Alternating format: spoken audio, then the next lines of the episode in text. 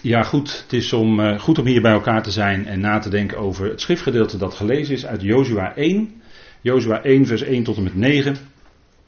Een bijzonder gedeelte waarin Jozua met het volk staat aan het begin van de intocht in het beloofde land. Dat is natuurlijk een heel aansprekende geschiedenis. Het boek Jozua zou u eens op uw gemak door moeten lezen. Want daarin gebeurt nogal wat. En als we even inzoomen op Jozua, dan zien we hoe dat boek is opgebouwd. Jozua begint aan zijn werk, dat is het eerste hoofdstuk. En dan aan het eind, Jozua eindigt zijn werk. En dat is natuurlijk uh, bijzonder. En dan denkt u van ja, dat is mooi, dat is geschiedenis. Dat heb ik op zondagschool ook geleerd. Of u bent niet op zondagschool geweest. En dan is het wat minder bekend voor u. Maar degenen die op zondagschool zijn geweest, die kennen dit natuurlijk uit en te treuren als het goed is. Maar uh, deze dingen, deze dingen die hebben ons toch wel iets te zeggen. En daarover wil ik dan vanmorgen met u nadenken. Want Jozua is natuurlijk niet zomaar iemand. Jozua is iemand die met Mozes lang was opgetrokken. En hij had van Mozes natuurlijk allerlei dingen gezien. Hij had allerlei dingen bij het volk gezien. Hij had gezien dat het volk Israël in de woestijn, hè, in, uh, ja, daar gaat nummerie over, een, uh, een weerspannig, een ongehoorzaam en tegensprekend volk was. Want zo was het toch wel. En daarom is die hele generatie die uit, uit, uh, uitgevoerd werd, uitgeleid werd uit Egypte, is in de woestijn omgekomen. Dat was nogal wat. Dat, dat volk was hard van nek. We vertalen dan met weerspannigheid, he, maar, of halstarrigheid. Maar eigenlijk heeft het Hebreeuwse woord hiermee te maken met die nek die niet wil buigen. Hardnekkigheid. Dat, dat kenmerkte dat volk in die periode. En nochtans ging God met onder leiding van Mozes met dat volk door. Want hij had ze beloofd dat ze in het beloofde land zouden komen. En als ik zeg het beloofde land, dan is dat voor Israël de belofte die aan Abraham gegeven is. De belofte van het land, de belofte van eh, dat ze een land zouden bezitten, ja, vanaf de rivier in uh, Mesopotamië, de rivier de Uifraat, tot aan de grote rivier van Egypte. Dat is nogal wat. Dat is nogal een gebied. Dat is eigenlijk de belofte. En dat zullen ze ook in de toekomst krijgen. En we zien nu een heel smal stukje land hè, in onze tijd, wat fel betwist wordt. Hè. Judea en Samaria wordt niet eens geacht bij dat land te horen, dat claimen anderen. Uh, en dat wordt allemaal via grote wereldorganisaties gespeeld. Nou, u, ik hoef u daar niks van te vertellen, want dat is al tientallen jaren daar aan de gang. He, de strijd om dat stukje land daar. En als ik het woord strijd gebruik, dan is dat zo. Daar is strijd om. Waarom is dat? Dat is omdat God dat land aan dat volk heeft beloofd. Als een toedeling wat God hen geeft. En dat wordt bestreden. En dat, in feite zit daar natuurlijk een geestelijke achtergrond achter. Het is namelijk niet alleen de weerstand tegen Israël, maar ten diepste is dat een weerstand tegen de God van Israël. Dat is eigenlijk de geestelijke achtergrond. En zo worden, uh, ja, dat, dat zal in de toekomst gaan blijken, zo wordt de hele wereld, de volkerenzee, daar zullen grote winden opkomen. En wind is in de schrift een beeld van de geest. Daar zal geest overheen komen, die zal ze opstuwen naar Israël. Om, om dat definitief te gaan verslaan. Dat zal allemaal in de toekomst nog gaan gebeuren. Maar dat is omdat het land, zoals we dat hier ook zien in de structuur in het midden, het land werd veroverd, maar het land werd ook door loting verdeeld. Dat ging door loting. En we weten uit spreuken dat hoe een lot uitvalt, dat het ook van de Heer is. Hè? Als een lot geworpen wordt, en hoe het uitvalt, dat is van de Heer, dat bepaalt de Heer, dat bepalen wij niet. Dat denken wij wel in onze hoogmoed als mensen, maar dat bepaalt de Heer hoor, dat bepalen wij niet. Dat is uh, door loting verdeeld. En omdat Israël het land toegeloot is, daarom is er strijd. En daar gaat het ook mede vanmorgen over. En natuurlijk zit daar een diepere betekenis in deze geschiedenis. En u kent dat woord wel, dat is typologie. Jozua is een geweldige uitbeelding, is een geweldige voorafschaduwing van onze Heer. En zoals Moshe, die uit het water getrokken was, dat ook was. En Jozua weer in een ander aspect. En die naam van Jozua, als je die leest in het Hebreeuws, en ik heb hier de Hebreeuwse letters opgezet, Jehoshua, dan is het samengesteld uit een deel van de naam van God, hè, Yahweh. Is de naam van God, betekent ik ben. En het werkwoord redden in het Hebreeuws. Dus de naam van Jozua die En de naam Jezus lijkt daar heel veel op. Dat is een overzetting vanuit het Hebreeuws in het Grieks. Dat betekent dat Ja of Yahweh, de God van Israël, redder is. Kijk, en dan heb je een geweldige betekenis, want daar gaat het ook naartoe voor Israël. En dat is wat we weten uit de schrift. Wat de schrift ons aanreikt is dat de wet of de onderwijzing, hè, dat is Torah in het Hebreeuws, dat betekent onderwijzing. Dat komt van het Hebreeuwse woord yara, dat betekent onderwijzen. De onderwijzing is dat, en dat is het licht wat de schrift geeft vanuit wat wij kennen als het Nieuwe Testament, als de Griekse schrift. Dat is het licht wat de Griekse schrift, schrift werpt op de Tenach. En zo zouden we ook de Bijbel lezen. De Bijbel zouden we zo lezen dat we lezen de Tenach in het licht van de Griekse schrift. Want in de Griekse schrift is meer licht dan in Tenach. Pas als dat licht erop gaat vallen, dan ga je werkelijk verstaan wat de Tenach betekent. En dat is wat Hebreeën 10 zegt. Dat de wet, de Torah, heeft een schaduw van de dingen die op het punt staan. Hè? De op het punt staande goede dingen. Dus de Torah had een schaduw daarvan. Maar dat is dus niet het volle licht, want u ziet hier het plaatje met een schaduw van een aantal mensen. Maar dat betekent dat het licht schijnt op die mensen, maar hun schaduw werpt zich vooruit. En dat is ook wat de Torah deed. Het wierp zijn schaduw vooruit en wees in feite naar het volle licht wat later zou komen bij de grote Jozua, onze Heer Jezus Christus. Want die staat centraal in de schrift. En Paulus in Colossense 2 zegt dat ook voedsel of drank. Hè, daar waren, sommige van die Colossensen waren daarmee bezig. En dat is misschien wel herkenbaar. Hè. Paulus zegt nou, als het gaat nou om voedsel of drank, hè, wat, in, wat in de wetgeving uh, aangegeven is, of de details van een feest, of nieuwe maan of sabbatten, dat zijn schaduw, schaduw van hetgeen op het punt staat te komen. Let op dat woord, op het punt staan te komen. Hè. Dat wordt hier ook gebruikt. Dat is hetzelfde woord als in Hebreeën 10 vers 1. Dus daar maakt de Hebreeën schrijver dezelfde woordcombinatie, om het zo maar te zeggen, als hier in Colossense 2. De Torah had een schaduw van de toekomende dingen. En daarom is Jozua een geweldig type, een heenwijzing naar de Heer Jezus Christus. En zo vinden we dat natuurlijk in de Hebreeënbrief terug. En in de brieven van Paulus vinden we dat terug. want als we zouden gaan nadenken met elkaar over Abraham, over Isaac, over Jacob, over Jozef, over Ephraim, dat zijn allemaal heenwijzingen naar de Heer Jezus Christus. De wet spreekt van hem, de Torah spreekt van hem. En dat is ook wat het boek Jozua van spreekt. En eh, als we even dat, die structuur van het eerste hoofdstuk heel even met elkaar bekijken, maar dat doen we maar heel kort, want het is geen uh, diepgaande Bijbelstudie vanmorgen. Jozua wordt aangesteld als leider over het volk. De geschiedenis wordt aangehaald, de belofte van Yahweh. En Jawel spoort Jozua aan. Dat is het gedeelte waar we vanmorgen bij stilstaan. En u moet dat, als u dit later nog eens wil nakijken en luisteren, dan kan het natuurlijk via internet. Kunt u dat nog eens nazoeken. dat is de moeite waard hoor, want deze structuren staan toch wel in heel de schrift. En dat is voor mij persoonlijk, anderen die vegen dat zo aan de kant, maar voor mij persoonlijk zijn zulke structuren een bewijs van goddelijke inspiratie. Deze structuren vind je in heel de schrift terug. En dat is natuurlijk niet voor niets. Dat kan een mens niet bedenken. Natuurlijk niet. Het is ook geen mensenwoord, het is Gods woord waar we mee bezig zijn.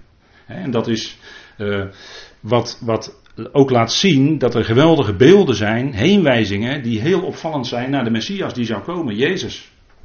En dan staat er in Jozua 1 vers 1, en het gebeurde na de dood van Mozes, de dienaar van Yahweh.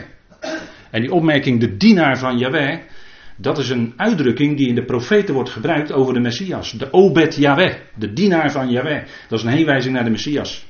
En zoals Mozes in delen ook een heenwijzing naar de Heer. Hij bracht het volk uit het land Egypte, uit de slavernij, in de vrijheid. En er was eerst nog een woestijntocht van 40 jaar, bleek het uiteindelijk te zijn. Omdat er onderweg ging er hier en daar wat mis, om het zo maar te zeggen. Maar dat moest ook zo zijn natuurlijk, hè? dat lag ook in Gods plan. Maar zo heeft onze Heer, dat is de vergelijking, zo heeft onze Heer, Jezus Christus, heeft ons persoonlijk Uitgeleid uit de slavernij. Welke slavernij? Nou, de slavernij van de wet bijvoorbeeld. Of de slavernij onder de zonde. En dat is een hele bevrijding hoor, als je daarvan verlost bent geworden. Als je daarvan loskomt. Want de banden van de zonde kunnen een mens zo ontzettend in zijn greep houden. En mensen die dan tot geloof zijn gekomen, die kunnen ervan getuigen dat het een geweldige radicale ommekeer is. Dat, dat God, dat Jezus Christus daadwerkelijk verlost en bevrijdt. En daar was Mozes al een heenwijzing van. Hij was degene die de voorloper was, om het zo maar te zeggen, van Jozua. Kijk, en deze Jozua, die uh, was de opvolger van Mozes. En Mozes die kwam uit de stam Levi, hè, samen met zijn broer en zijn zus, weet u wel, Aaron en Miriam. Allemaal uit de stam Levi. Dus Mozes was eigenlijk uit de priesterstam. Hè. En hij mocht het volk aanvoeren. Dus daarin was hij ook priester en regeerder, een beetje koning over het volk, priester en koning over Israël. En als ik dat zo zeg, priester en koning, dan denkt u onmiddellijk aan de Heer natuurlijk. Hè? En hij kwam uit het land Moab. En hij werd opgevolgd door de zoon van Noen. Dat is wel aardig. Want Noen, dat is een Hebreeuwse letter. En ik heb hier de naam Noen afgebeeld. Maar de Hebreeuwse letter Noen, dat is, heeft ook van, dat is al heel oud, dat heeft ook een getalswaarde, dat is 50. En 50 in de schrift, dan is de tijd van beproeving voorbij. U weet waarschijnlijk wel dat 40 te maken heeft met beproeving. 40 jaar in de woestijn. De Heer was 40 jaar in de woestijn. En toen had hij honger en toen werd hij beproefd door de tegenstander. Nou, zo kunt u nog wel meer. Hè. U zegt ook wel eens het leven begint pas bij 40. Nou, dan ga je inderdaad naar de 50 toe. Hè. Dan wordt het uh, in de 50 schijnt het pas echt gezellig te worden. Maar Jozua is de zoon van Noen. De zoon van degene die in zijn naam iets uitdrukt van 50, de verlossing. En dat is ook precies wat het boek Jozua bekend maakt. Het, hij trekt het volk mee het land in. En het land wordt veroverd. Het wordt door loting toebedeeld. En het is ook wel aardig dat u weet dat Jozua komt uit de stam Ephraim. Ephraim. En Ephraim is degene die het eerstgeboorterecht meekreeg. Weet u nog wel? En hoe ging dat ook weer zo? Ging dat zo toen? Jacob? Met Manasse en Ephraim? En zo kreeg Ephraim het eerstgeboorterecht. En niet Manasse die het eerst geboren was. En zo gaat het steeds. Hè? De tweede krijgt het eerstgeboorterecht. En Ephraim, dat is een hele mooie naam, dat betekent dubbele vrucht. Dubbele vrucht. Kijk, nu is het volk straks niet alleen uitgeleid uit Egypte, maar is ook nog eens gekomen in het land dat vloeit van melk en honing. Dat zijn prachtige beelden hoor. Het land dat vloeit van melk en honing. Dat heeft ons ook wel iets te zeggen. Kijk, die Jozua, want er wordt in dat gedeelte gezegd, uh, Jozua, daar komen we straks nog wel op, maar Jozua wees sterk en moedig. Hè. Dan denkt u van nou, dat was nogal een krachtpatser. Hè. Maar bedenk dat Jozua vol was van de geest van wijsheid. Die geest van God die werkte in Jozua. En daarom kon de Heer tegen hem zeggen, wees sterk en moedig. Dat was hij natuurlijk zelf niet. Want dan had hij uh, leeuwen en beren gezien op de weg. Hè? Hij was ook een van die twaalf verspieders, weet u nog. En er waren er twee die zeiden van nee, maar met de Heer, met de hulp van de Heer gaat het lukken. Die tien zeiden, die zagen allemaal leeuwen en beren en reuzen in het land en dat kon allemaal niet. Hè? Maar twee, Jozua en Caleb, die kwamen terug bij Mozes en die zeiden ja het kan wel, met de hulp van de Heer. En hoe was dat? Dat was omdat Jozua die geest van God had. Die werkte in Jozua. De geest van wijsheid. Staat er, hè? Uh, Mozes legt hem de handen op toen hij, nummer 27, hè, dat voert nu te ver om dat helemaal te lezen met elkaar. Maar toen werd jo Jozua eigenlijk door Mozes in zijn, in zijn bediening gesteld. Handen werden opgelegd. En zo werd Jozua vol van de geest van wijsheid. En zo kon hij met wijsheid die de Heer hem gaf, het land binnentrekken. En de, dat wat de Heer zei ook opvolgen. Jozua zei tegen, Jaweh zei tegen Jozua, de zoon van Noem, de dienaar van Mozes. Zo was Jozua nog in het begin, de dienaar van Mozes. Hij liep met Mozes mee. Om het zo maar te zeggen, om het vak te leren. Hè. Leerling, u weet wel, hè, vroeger had je dat, leerling, hè, of eh, de meester en de leerling. En uh, de meester vertelde dan al werkende weg hoe het moest. En de leerling die werd dan zelf, uh, die kon dan zo het vak leren. Hè. Nou, zo ging dat ook met, met uh, Mozes en Jozua en zo ging dat met Paulus en Timotheus. Hè, dat, dat, dat is hetzelfde patroon. Jozua had van dichtbij een heleboel dingen gezien. Hoe Mozes moeite had met het volk. Hoe Mozes tussen beiden trad toen dat volk het gouden kalf, uh, om het gouden kalf danste en Mozes tussen beiden kwam. Als een, uh, als een middelaar, hè. daar hebben we in de Bijbelstudie van de zomer over nagedacht. Hè, er is één God en één middelaar. En toen hebben we vanuit de nacht ook gezien wat het begrip middelaar inhoudt. Nou, dat is nogal wat. En dan komt dan allemaal die lijntjes komen dan allemaal uit bij onze Heer, die die ene middelaar is, de mens Christus Jezus. En die brengt de verbinding tot stand tussen God en de mensen. Dat is heel bijzonder. Niet enkele mensen, maar alle mensen. dat staat ook duidelijk in het jaarthema. Hij is vervangend losgeld voor allen. Voor allen. Het twijfel mogelijk, hè? het staat gewoon in de schrift. Jozua was de dienaar, niet van Mozes, maar uiteindelijk staat er in Jozua zelf. Jozua was ook de Obed Yahweh, was ook de dienaar van Yahweh. En daarin was hij een prachtige heenwijzing naar onze Heer. En dan wordt er tegen hem gezegd: Sta op, steek deze Jordaan over. Hè, want ze stonden nog niet in het beloofde land, ze stonden nog voor die Jordaan.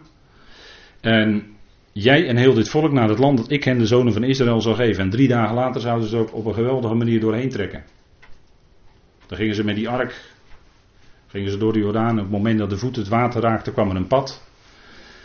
En op 2000 L afstand volgde het volk dan. Hè. Eerst kwamen de priesters met de ark.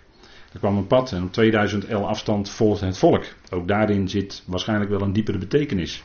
Maar de Jordaan, uh, die, uh, die loopt zo van boven naar beneden. En ziet daar, als u op het kaartje kijkt, ziet u daar bovenaan het meer van Galilea, hè, of de zee van Tiberias. En dan loopt dan daar de Jordaan door naar het zuiden. En dan ziet u de Dode Zee. En als u in Israël bent geweest en u volgt zo die route met de bus, dan is dat toch wel bijzonder. dat hebben we ook een keer kunnen doen.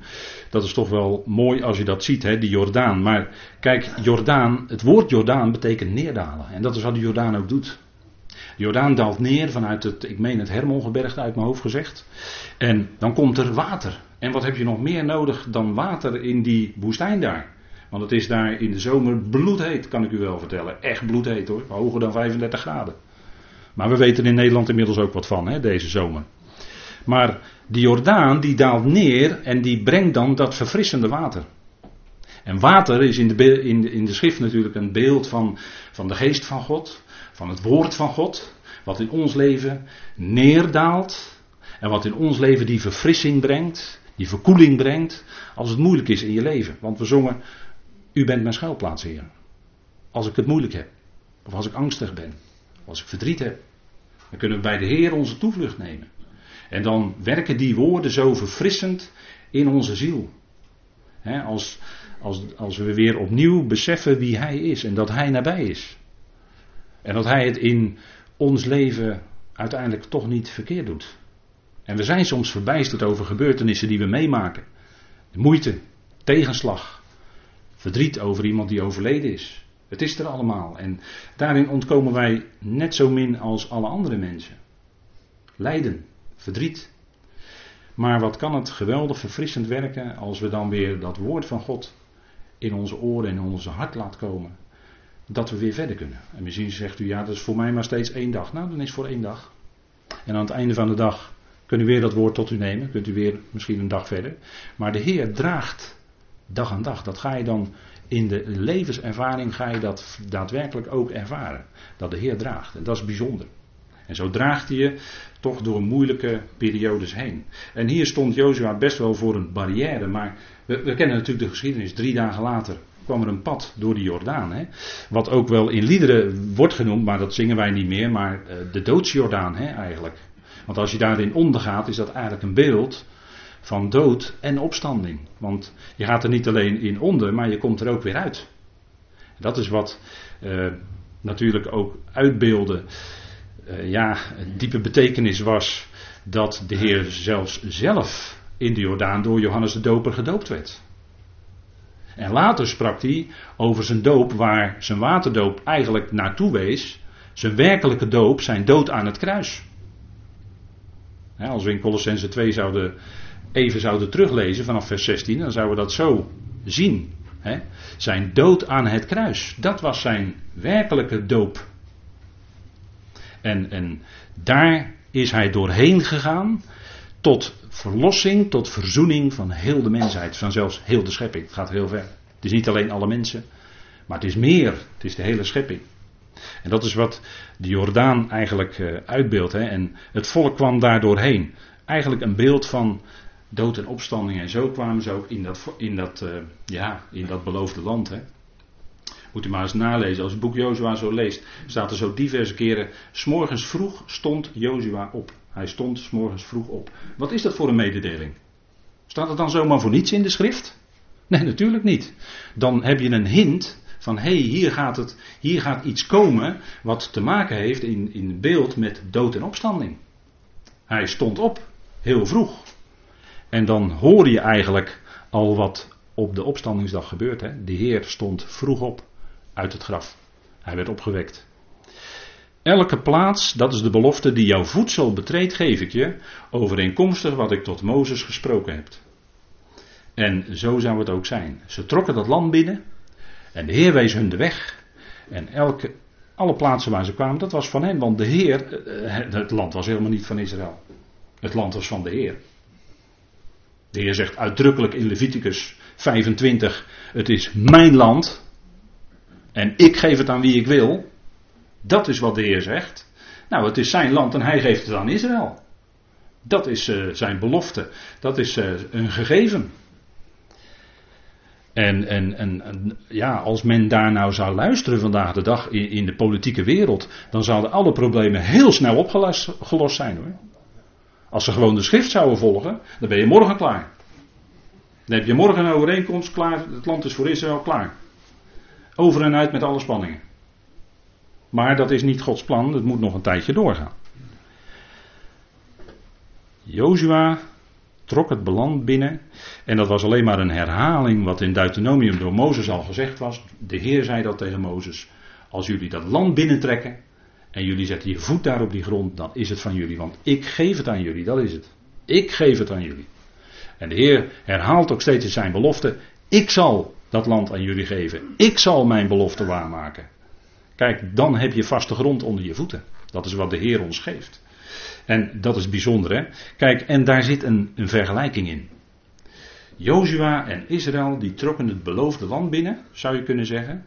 En die kregen alle aardse zegeningen, een land vloeiende van melk en honing.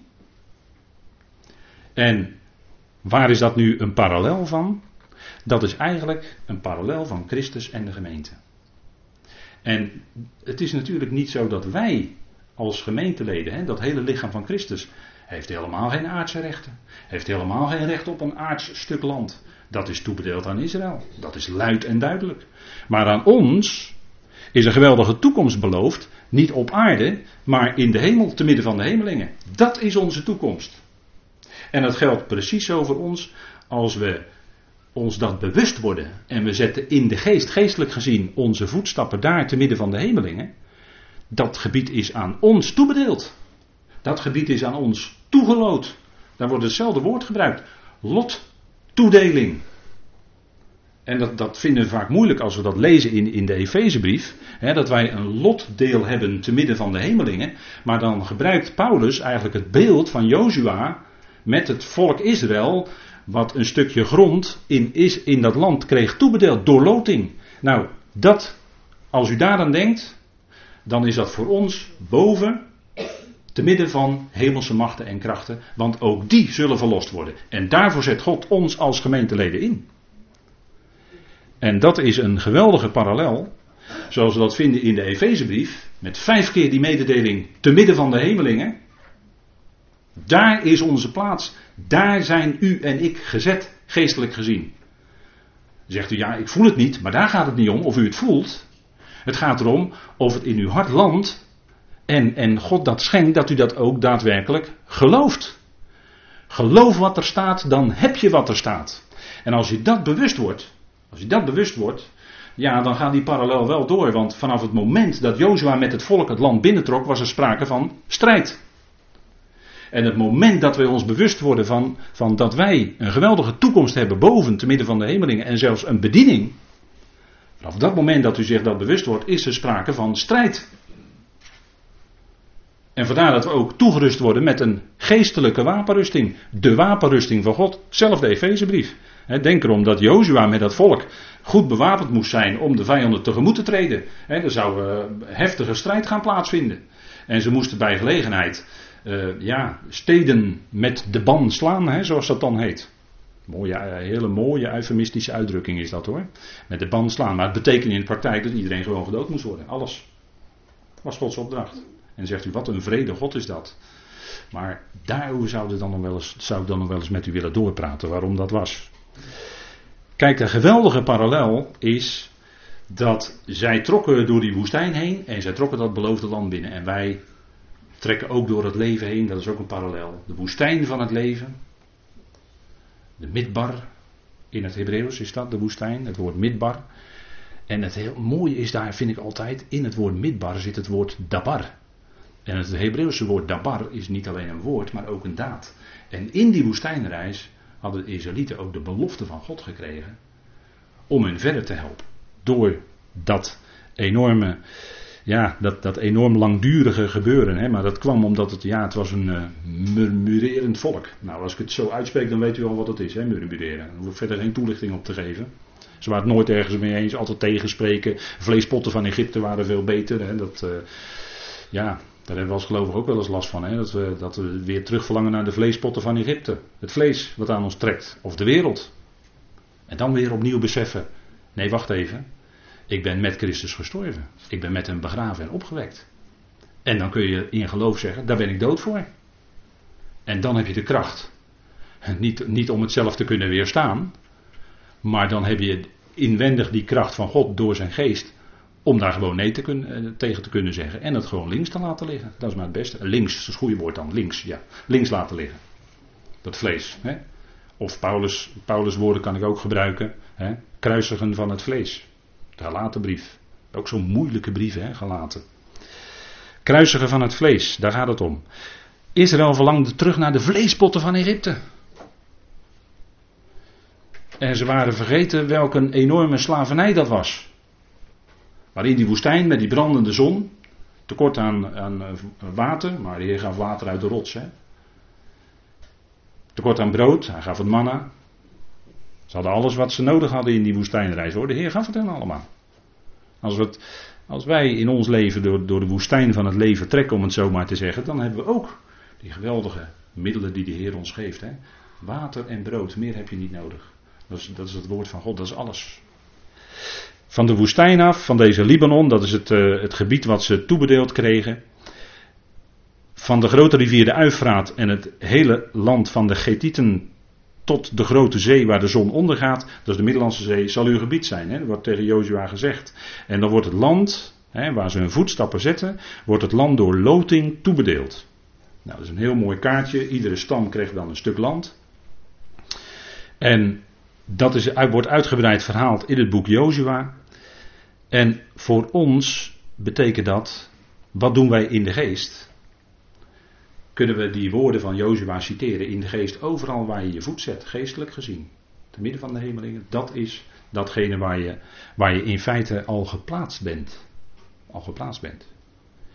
En het punt is, kijk, wij hoeven niet zoals Jozua gewapenderhand dat gebied te veroveren. Nee, het is al veroverd voor ons. In zekere zin, want de overwinning is al behaald.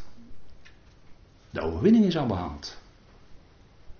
De overwinning is behaald, want Paulus zegt in Romeinen 8: Wij zijn meer dan overwinnend door Hem die ons lief heeft. Meer dan overwinnend, meer dan dat zelfs. Hè? Hij heeft de overwinning behaald, Hij is de overwinnaar. En als er strijd is in ons leven, dan uh, is het echt niet zo dat wij nou van die goede spierballen moeten hebben. Maar we kunnen op Hem rekenen, die aan de rechterhand van God is. En die, ja, dat is een strijder. Er staat in de schrift, en dat denk ik regelmatig aan. Um, jij hoeft niet te strijden. Wees jij maar stil. Ik zal voor je strijden. als jij nou stil bent, dan zal je zien hoe de Heer dat uitwerkt. En dat blijkt ook heel vaak zo te zijn. Daar waar je juist iets zou willen doen en je realiseert, nee, de strijd is van de Heer en Hij werkt het uit hou je je terug en dan zie je hoe de Heer het uitwerkt. En dat is bijzonder. Dat is vaak anders dan je denkt. En zo is dat voor ons hè, een geweldige toekomst. Te midden van de hemelsen. En, en daar, als u, als u uh, ja, in de zomer heb je vaak van die heldere nachten, dan kijk je naar boven. En dan zie je al die sterren. En ik heb geen idee hoe ver ze wegstaan. Dat, eh, ik heb daar geen idee van. En dat, eh, dat hele wereldbeeld of schepping, dat het een ronddraaiende bol is. Ja, ik weet het allemaal niet. Ik weet het allemaal niet dat dat zo is. Wat ik wel weet, is wat de schrift zegt, dat de aarde vast staat. Dat, weet dat zegt de schrift, dat de aarde vast staat. En als men dan zegt dat de aarde heel snel steeds ronddraait, elke 24 uur, ik weet het niet. Ik houd voorlopig op de schrift. En ik zeg u eerlijk, ik weet het echt niet. Of de aarde een bol is, of de aarde plat is. En sommigen zeggen zelfs dat de aarde hol is, zou ook nog kunnen. Ik weet het niet. Maar het is misschien goed om aan de hand van de schriften nog eens opnieuw over na te denken. Niemand zal tegenover jou stand houden al de dagen van je leven. Zoals ik met Mozes geweest ben, zal ik met jou zijn. En ik zal je niet loslaten en ik zal je niet verlaten. Wat een geweldige belofte is dat. Wat een geweldige belofte. Ik zal je niet verlaten, ik zal je niet loslaten. Zegt de Heer ook tegen ons meerdere keren in de schrift. Ik ben bij je. Ik laat je niet los. En als je denkt dat je valt, dan zijn zijn armen onder je. En vangt hij je op. En zijn liefde is altijd dieper dan dat het in jouw leven of in uw leven of mijn leven kan gaan. we kunnen, als we als over de zee uitkijken, zie je het einde van de zee niet. Nou, dat is iets van zijn liefde, denk ik dan vaak. Of de diepte, de diepte van de zee. De zee is zo diep. Kunnen we soms niet eens peilen hoe diep. Nou, dat is een beeld van Gods liefde. Vind prachtig. Zo wijd, zo groot. Iedereen past daarin, hè? Geweldig. Hij zal je niet loslaten, hij zal je niet verlaten. Dat is wat we onszelf mogen voorhouden. En dat is wat God ons voorhoudt vanuit de schrift. Hij is nabij. Hij doet het niet verkeerd in uw en mijn leven. Maar hij gaat zijn weg met de ieder van ons. En dat, dat maakt ons al, als je dat beseft, hè, niet alleen met jezelf, maar ook met die ander. Dat maakt je al terughoudend voor dat commentaar wat we altijd op elkaar hebben. Sorry, sorry, sorry, sorry. Ik slik het gelijk weer in. Maar bid voor die ander. Als we nou, als we nou zouden bidden voor elkaar, hè, dan, zou dat, dan zou dat anders kunnen zijn. Maar goed, het land werd door Israël, werd aan Israël door loting toebedeeld. En, en wat hebben ze dan? Ze hebben dan in de toekomst, hè, dat is de nabije toekomst voor Israël. Het land wordt binnenkort aan Israël door loting toebedeeld. Door loting. Gaat in de toekomst weer gebeuren. Hè? De boek Jozua was een, was, een, was een voorafschaduw, was een prelude erop wat er in, straks in werkelijkheid gaat gebeuren. En dan zal Israël dat land krijgen vanaf de Nijl tot aan de Uifraat. Jawel. Want dat is wat God beloofd heeft aan Abraham. En dan hebben ze als lotdeel eonisch leven. En nou kwam die wetgeleerde bij de Heer. Wat moet ik doen om eonisch leven te verkrijgen? Nou, de Heer ging uitleggen dat hij zelf helemaal niets hoefde te doen. Want het Gods plan was dat op basis van het werk wat hij deed, die Messias, de Heer, daarmee zou hij dat eonisch leven kunnen verkrijgen. Niet door zelf iets te doen, maar dat is typisch de vraag van de wetgeleerde. Hè? Wat moet ik doen? Nee, het gaat om wat hij heeft gedaan. Dat geeft ons rijke en milde genade. En dat is geweldig. Nou, vanaf het moment van het binnenkomen is er strijd, hè? dat heb ik u al gezegd. En u ziet hier de muren van Jericho. Werd natuurlijk, eh, die zijn eh, ingestort. Werd natuurlijk lang betwijfeld hè, door, de, door de wetenschap. Werd lang betwijfeld door de wetenschap. Totdat archeologen de bewijzen vonden. Ja, natuurlijk vonden ze de bewijzen als je bewijzen wil hebben van de schrift, dan moet je in het Midden-Oosten gaan graven en dan moet je gewoon doorgraven. Dan kom je het allemaal tegen. Dan moet je die twijfelen aan de schrift. Dat is het verkeerde eind. Nee, je moet gaan graven daar, dan vind je het bewijs terug. Nineveh heeft men ook lang van gezegd. Ja, Jona moest naar Nineveh. Is ook zo'n stad, heeft nooit bestaan. Toen ging er een Duitser die ging daar graven, die vond Nineveh terug. Wetenschap stil, natuurlijk. Daar waar de wetenschap afwijkt van het woord van God. Ja, dan worden ze op een gegeven moment het zwijgen opgelegd. Natuurlijk is dat zo. Dat is wat Gods woord duidelijk maakt natuurlijk. Hè? Gods woord is tot en met betrouwbaar alles wat er geschreven staat. Ook als het gaat over de historie. Wat hier, hier, hier juist in dit boek Jozua staat geschreven over de geschiedenis. Dat is, zo is het gegaan. En ieder die daaraan twijfelt, nou die moet gewoon lang genoeg zoeken. En dan wordt Gods woord bevestigd. En dat vond ik het mooie ook destijds van uh, de boeken van Emanuel Velikovsky. Dat was een van de wetenschappers, een Joodse wetenschapper.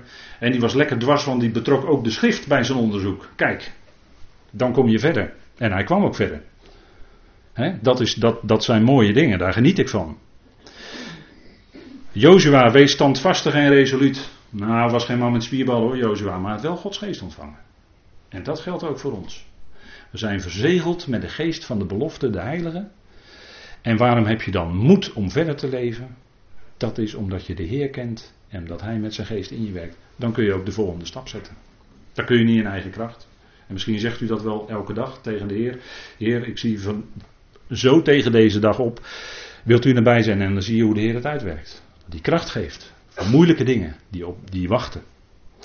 Jij zult dit volk in hun lotdeel voeren wat ik hun vaderen gezworen heb te zullen geven. God had het met een eed gezworen. Wat wil je dan nog meer? Had met een eed, notabene bij de eik, had hij aan Abraham gezworen wat hij aan hem zou geven. En dat is ook zo. Genesis 12 staat het allemaal al. En dat gaat vervuld worden natuurlijk. God zal al zijn beloften vervullen. Waar je vastheid en fundament in je leven van hebt, dat is niet het drijfzand van menselijk denken, van menselijke filosofie. Want dat schuift de schrift heel snel aan de kant. Maar de vastheid en de grondslag voor jouw leven is de beloften van God. Geloof die belofte, dan kun je daarop staan. Dan geeft dat kracht in je leven. Dan kun je verder. Dat is het, hè? En wij, dat is geweldig, hè? Dat is een geweldige, geweldige toekomstmuziek. We hebben in, de loop van de jaren in de gemeente twee keer de Efezebrief besproken. En ik denk dat het niet voor niks was, want het is een fantastische brief. Daar worden dingen in bekendgemaakt die je in de rest van de schrift niet terugvindt. Het is de top. En vanuit Efeze zou je eigenlijk ja, zou je, kijk je eigenlijk veel, met veel betere ogen naar de schrift. Je moet de juiste bril opzetten, de bril van Paulus. En dan zie je waar de schriften over gaan. In hem, zegt Paulus, zijn wij door loting aangewezen. Loting, net als bij Jozua, met volk Israël in het land. Wij ook, door loting. En we zijn verzegeld met de geest van de belofte, die een waarborg van onze lotgenieting is. We zijn verzegeld met die geest van de belofte, dat is een waarborg. Dat wat we hebben ontvangen is een aanbetaling. En misschien ervaart u wel eens momenten dat u enorm blij en vreugdevol bent over de Heer en over zijn woord en alles.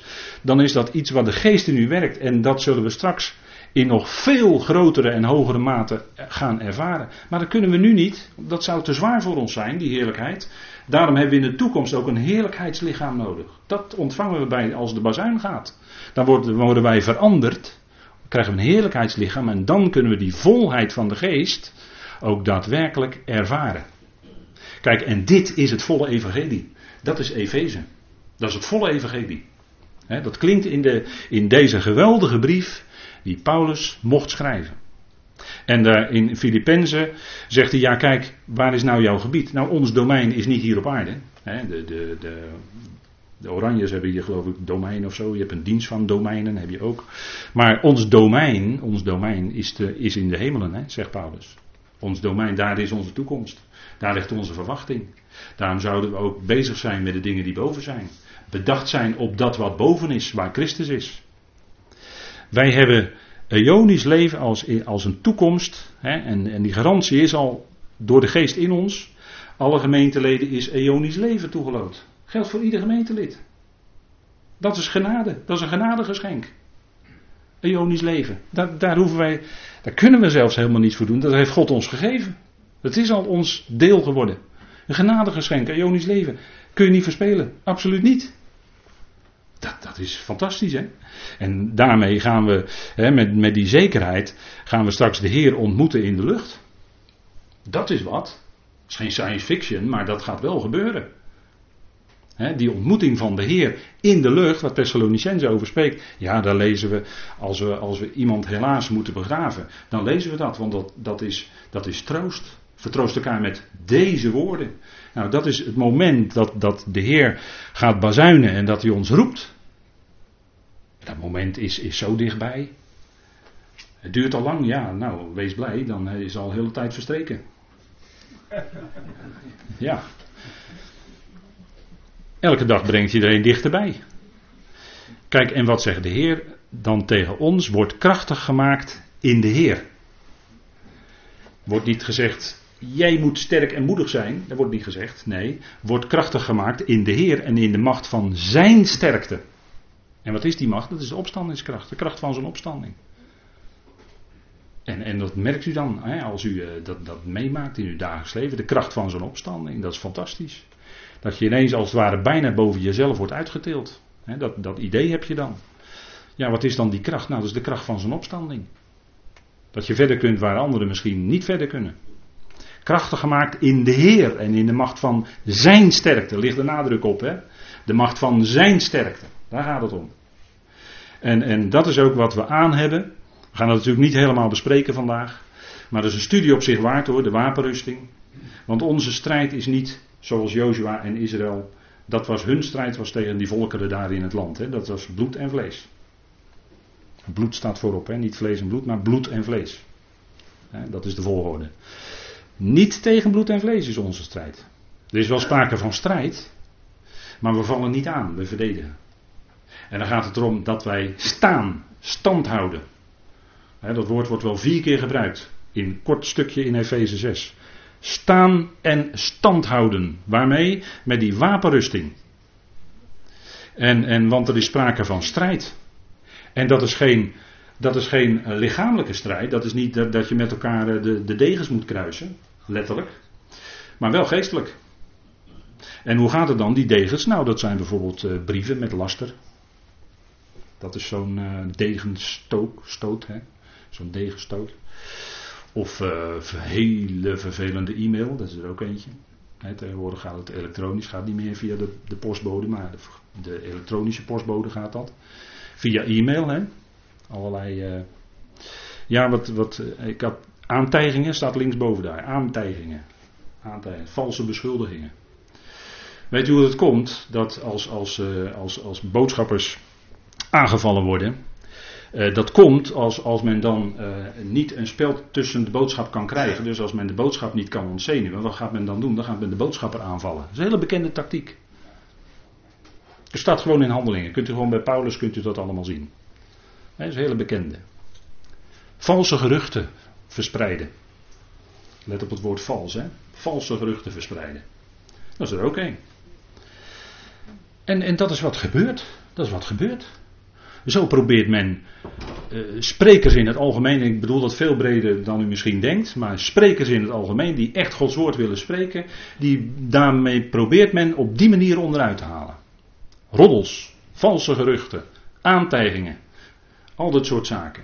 U zegt ja, dat is allemaal heel akelig, maar je hebt er wel mee te maken. En dan heb je je wapenrusting nodig. Dan is de zaak om dat schild van geloof, om dat uh, overeind te houden. Want die brandende pijlen die komen wel. En ik heb u net een aantal brandende pijlen genoemd. Maar het is zaak om dat schild van het geloof. Als het kwaadspreken is, laten dan liegende zijn, zei de Heer toch al. En als je leidt, leid dan alsjeblieft niet als een bemoeial. Ik citeer de schrift hè, nu, dat zijn niet mijn woorden. Leid dan niet als een bemoeial. Kunnen mensen ook zijn hoor. Maar het punt is dat we zouden stand houden en staan in de wapenrusting van God. En kijk, rechtvaardigheid, natuurlijk, we zijn gerechtvaardigd in Christus. Maar waar het hier om gaat is de praktijk. Als een rechtvaardige leven, wandel in rechtvaardigheid. De dingen recht willen doen. Geen, uh, geen uh, dit hè, dat, dat niet hè. Weet wel hè, dat gebaar, kent u wel hè. En dat gebeurt maar al te vaak dat, dat mensen, ook in de christelijke wereld, financiële malversaties, je leest het wel eens, treurige geschiedenissen van penningmeesters van kerken die dan met een tonde vandoor gaan enzovoort. Dat soort zaken, gebeurt allemaal. En dan zegt de wereld natuurlijk terecht, nou, moet je kijken, moet, je kijken moet je kijken die penningmeester. die, is net, die is net als uh, anderen. En dan is het op dat moment terecht. Maar als er kwaad gesproken zou worden, dan zou het dan van ons liegende zijn. Hè? Als er aantijgingen zijn, dan kun je gewoon, eh, ja, als je dan gewoon kan zeggen, ja, maar dat is allemaal niet waar. En ik ga je nu vertellen hoe het zit. En dan kan het best zijn dat je na een half uur uh, de ander uh, met een totaal ander idee de kamer uitgaat. Ja, omdat men gewoon niet weet hoe het zit, omdat men gerucht hoort en dingen met elkaar verbinden die je helemaal niet met elkaar moet verbinden, enzovoort, enzovoort. Nou, we gaan maar gauw weer over stoppen. Maar dit zijn wel dingen waar je mee te maken hebt. Wapenrusting aan hebben, hè. Twijfelzaai, daar is eh, de tegenwerker ook heel goed in. Is het ook dat God gezegd heeft? Dat is een hele oude, hè? Daar begon het allemaal mee. Is het ook dat God gezegd heeft? Twijfelzaaien omtrent het woord van God. En het einde is dat je dan de waarheid niet meer kent. want hier, een van de dingen is ook waarheid. dat is aan je lende. Die zouden we omgord hebben met waarheid. Waarheid van het woord. Waarheid van het woord van God. Uw woord is de waarheid, bad de Heer Jezus. Daar draait het om. Draait om de waarheid. En als het gaat om de waarheid voor vandaag, ja, dat is het evangelie van Paulus natuurlijk. Daar kunnen we heel kort over zijn. Maar die waarheid wordt bestreden. Ja, maar er zijn toch meer evangeliën die ook. Nee, evangelie van Paulus. Dat is de boodschap die zou klinken vandaag. Opstanding, ja, is een geweldige, geweldige zaak. Gaat in de toekomst gebeuren. De Heer is opgestaan. Garantie dat iedereen komt. En dan had je Hymenaeus en Philetus, die verlegden de waarheid van de opstanding. Hymenaeus en Philetus, die verlegden de waarheid van de opstanding naar het verleden. Dat is een hele bekende truc, maar die hoor je vandaag, vandaag de dag ook heel vaak hoor. Van joh, het is allemaal al gebeurd joh, in de toekomst komt er niks meer. Dat is, dat is, een, hele, dat is een hele gevaarlijk hoor. En dan word je in twijfel gebracht. Gelovigen worden dan soms zelfs in twijfel gebracht. Ja, omtrent de waarheid. De waarheid. En Gods woord brengt ons de waarheid. En dat is waar je op kan staan. Dat is iets wat vast en zeker is.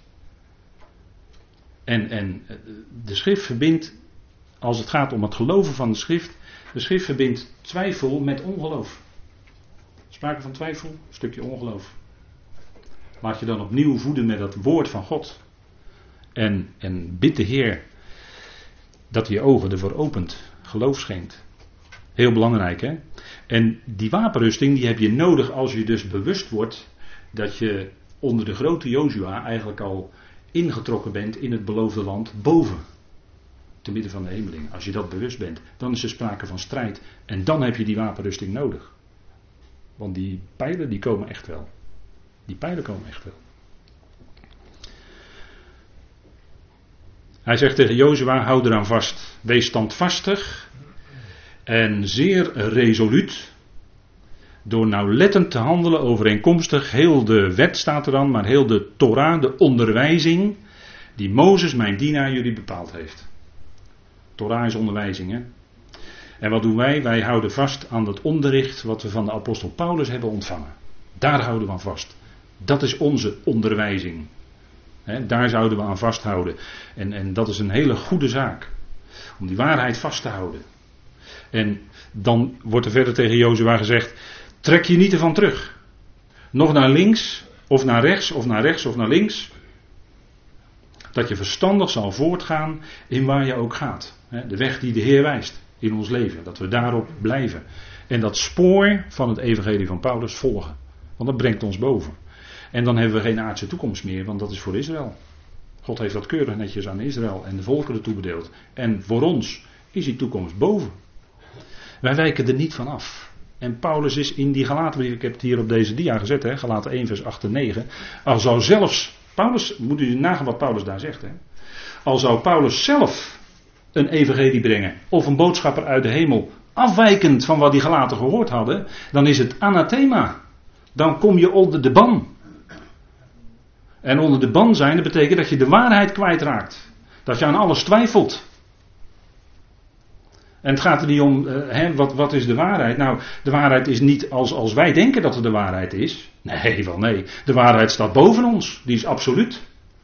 Dat komt vanuit Gods woord naar ons toe. Dat is de waarheid. En als God daaraan geloof geeft, ja, dan heb je dat ook. Dan besef je dat dat de waarheid is. Dan bevestigt ook die geest van de waarheid in je dat het zo is. Galaten 1, hè. We wijken daarvan niet af.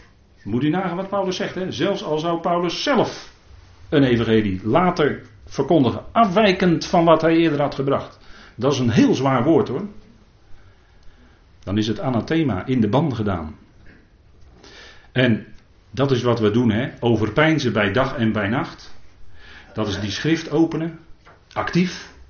Dat is niet mediteren over, of nadenken over, of wat dan ook. Nee, de schrift openen. En God vragen om leiding in zijn woord. De schrift actief openen, mee bezig zijn.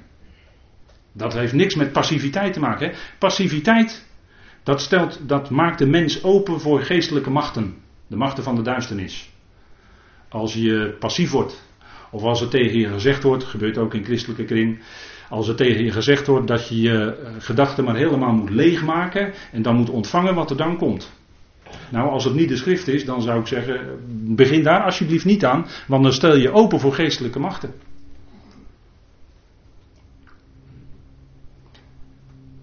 meditatietechnieken. Hè. Ze zijn er sinds, uh, wanneer? Sinds de jaren 60. Hè. De Beatles die begonnen ermee met de guru, uh, weet ik wie, uit India. En toen kwam er een hele stroom van Oosterse zaken kwam over de wereld. En, en, nu struikel je over die beelden die overal staan in tuinen en in keukens en in kamers enzovoort. Hè. Je struikelt over die dingen. Bijna, hè. Soms wil ik er af en toe eentje om, maar ik fiets regelmatig, vind ik lekker. En er staat er een aan de weg. heb ik wel eens de neiging om zo even zo. Nou, dat, doe ik, dat, doe ik dan maar niet, want ja, je moet toch een beetje netjes blijven. Hè? Maar ja, wat mij betreft aan yoga is er niet veel goed hoor, eigenlijk niks. Yoga is ook zoiets wat uit het oosten komt. dat is ook zo'n eh, techniek. En elke houding ja, nee, het zijn rust. Als je je lichaam in die stand brengt, dan is dat rustgevend. Nee, die stand van je lichaam is ook een bepaalde houding. Daar, daar doen er iets mee. Dat zegt iets. Dus ja, wat yoga betreft zou ik ook zeggen. Wat beter is, is laat deze boekrol niet wijken uit jullie mond. De schrift overpijnzen bij dag en bij nacht. Overpijnzen bij dag en bij nacht. Dat is wat, wat Israël zou doen en dat is een goed voorbeeld. Zouden ook wij doen. Je schrift over pijnzen bij dag en bij nacht. Hè? Je gaat ermee slapen en je staat ermee op. Ja, ja, inderdaad. Dat, zou, dat is mooi. Hè? Dat je zou opmerken te doen al wat erin geschreven is, want dan zul je voorspoedig zijn in je wegen. Volg die schriften. Heb ik je het niet voorgeschreven? Wees standvastig en resoluut. Schrik niet en wees niet ontsteld wat er ook gebeurt. Want Yahweh jullie Elohim, de Heer jullie God, is met jullie overal waar je gaat. En dit is uh, een uh, kaartje. En dat is uh, ongeveer de King's Highway, noemen ze dat. Dat is de route die Jozua toen nam, het beloofde land binnen. En als u het mij vraagt, zal de grote Jozua, de Heer Jezus Christus, ook die route nemen en met zijn volk het beloofde land binnentrekken. Maar dat is nog toekomstmuziek. Als Jezus als Messias zijn volk gaat verlossen, zijn voeten zullen zetten op de Olijfberg, dan gaat hij dat volk verlossen, want dan is Jeruzalem verwoest en dan moet het weer herbouwd worden. En ook daar hebben we wel eens iets over gelezen in de schrift, de herbouw van Jeruzalem. Ik weet niet meer precies waar het was. Maar ook dat gaat in de toekomst weer gebeuren. Hè. De geschiedenis zal zich uh, herhalen. De Duitsers die zeggen zo mooi, uh, l'histoire répète. Oh, dat waren de Fransen, hè? Ja, dat waren de Fransen, ja. De geschiedenis herhaalt zich. Ben u, ben u weer even wakker, hè? Ja. De geschiedenis herhaalt zich. Maar Jozua zou voortgaan en de grote Jozua, de Heer Jezus Christus, is natuurlijk onze voorganger, onze grote, ons grote hoofd. We hebben gelukkig maar één hoofd, daar ben ik altijd heel blij om. Dat is Hij. En Hij bepaalt het lichaam van Christus. Wat er vandaag in gebeurt, hoe het morgen zal gaan. En Hij, en hij wacht totdat hij die bezuin zal steken. En daar wachten wij ook op. Ja, wij, jullie Elohim, is overal met jullie waar jullie gaan. Ook al staat er een Jordaan voor je bij wijze van spreken. Dan gaat de Heer mee en dan zal Hij die weggeven. Die goed is, die nodig is. En wij zien uit naar ons lotdeel boven wat ons al is toebedeeld. Hè, dat hebben we al mogen ontvangen. Maar wij zien uit naar ons lotdeel boven om in die bediening te gaan. En dat is denk ik een prachtige parallel met hoe Jozua toen het beloofde land binnentrok. En een hele mooie is dan voor ons, wij trekken binnenkort ook dat beloofde land binnen, maar dan boven. Amen. Goed zullen wij de Heer danken. Vader, we danken u dat we een moment stil konden staan bij bijzondere geschiedenis. En het blijkt maar weer, Vader, dat deze dingen een diepere betekenis hebben, een andere beduiding hebben. Dank u wel, Vader, dat de hele onderwijzing een schaduw is van hetgeen komen zou. En vooral van uw zoon die zou komen, vader. En dank u wel dat we daarna uit mogen zien. Dank u wel dat we dat evangelie naar de apostel Paulus mogen kennen. Dat dat het is wat mag klinken deze dag en, en de komende dagen, wat al zo lang klinkt in ons midden. Dat is bijzonder, vader, een geschenk. Vader, we danken u dat u dat geeft, gegeven heeft en nog geven zult. Vader, dank u wel dat we zo ook vanmorgen daarbij stil konden staan. Dank u wel dat we uitzien, Vader, en we zijn nog steeds verwonderd dat u ons dat allemaal schenkt in genade. Vader, we kunnen daar niet bij met ons denken als mens. Maar we geloven het. Want zou voor u iets te wonderlijk zijn? Nee, voor u is niets te wonderlijk. En daarom zien we uit, Vader, naar die grote verandering. Als ons lichaam veranderd zal zijn en wij dat heerlijkheidslichaam aandoen. En die toekomst ingaan. Vader, wat geweldig is dat. Dank u wel dat zo'n oude geschiedenis als het boek Jozua daarvan in typen spreekt. Vader, dank u wel dat uw woord levend is. Als het draait om uw zoon, de Messias, Christus Jezus. Dank u wel, Vader, dat wij hem mogen kennen als de verheerlijkte, die aan uw rechter is. Dank u wel, Vader, dat we naar u mogen opzien, ook in de komende tijd, als het voor ons misschien moeilijk is, of als we oud zijn geworden en de dagen moeizaam zijn, en we misschien wel dingen kwijtraken in ons denken. Vader, wees daarin genadig nabij. Dank u wel dat u draagt en steunt en datgene geeft wat nodig is. Vader, we danken u voor dit moment wat u ons wilde schenken. We danken u voor uw goedheid, trouw en liefde. We danken u dat we mogen zien op u in alles. We danken u daarvoor in de machtige naam van uw geliefde Zoon. Amen.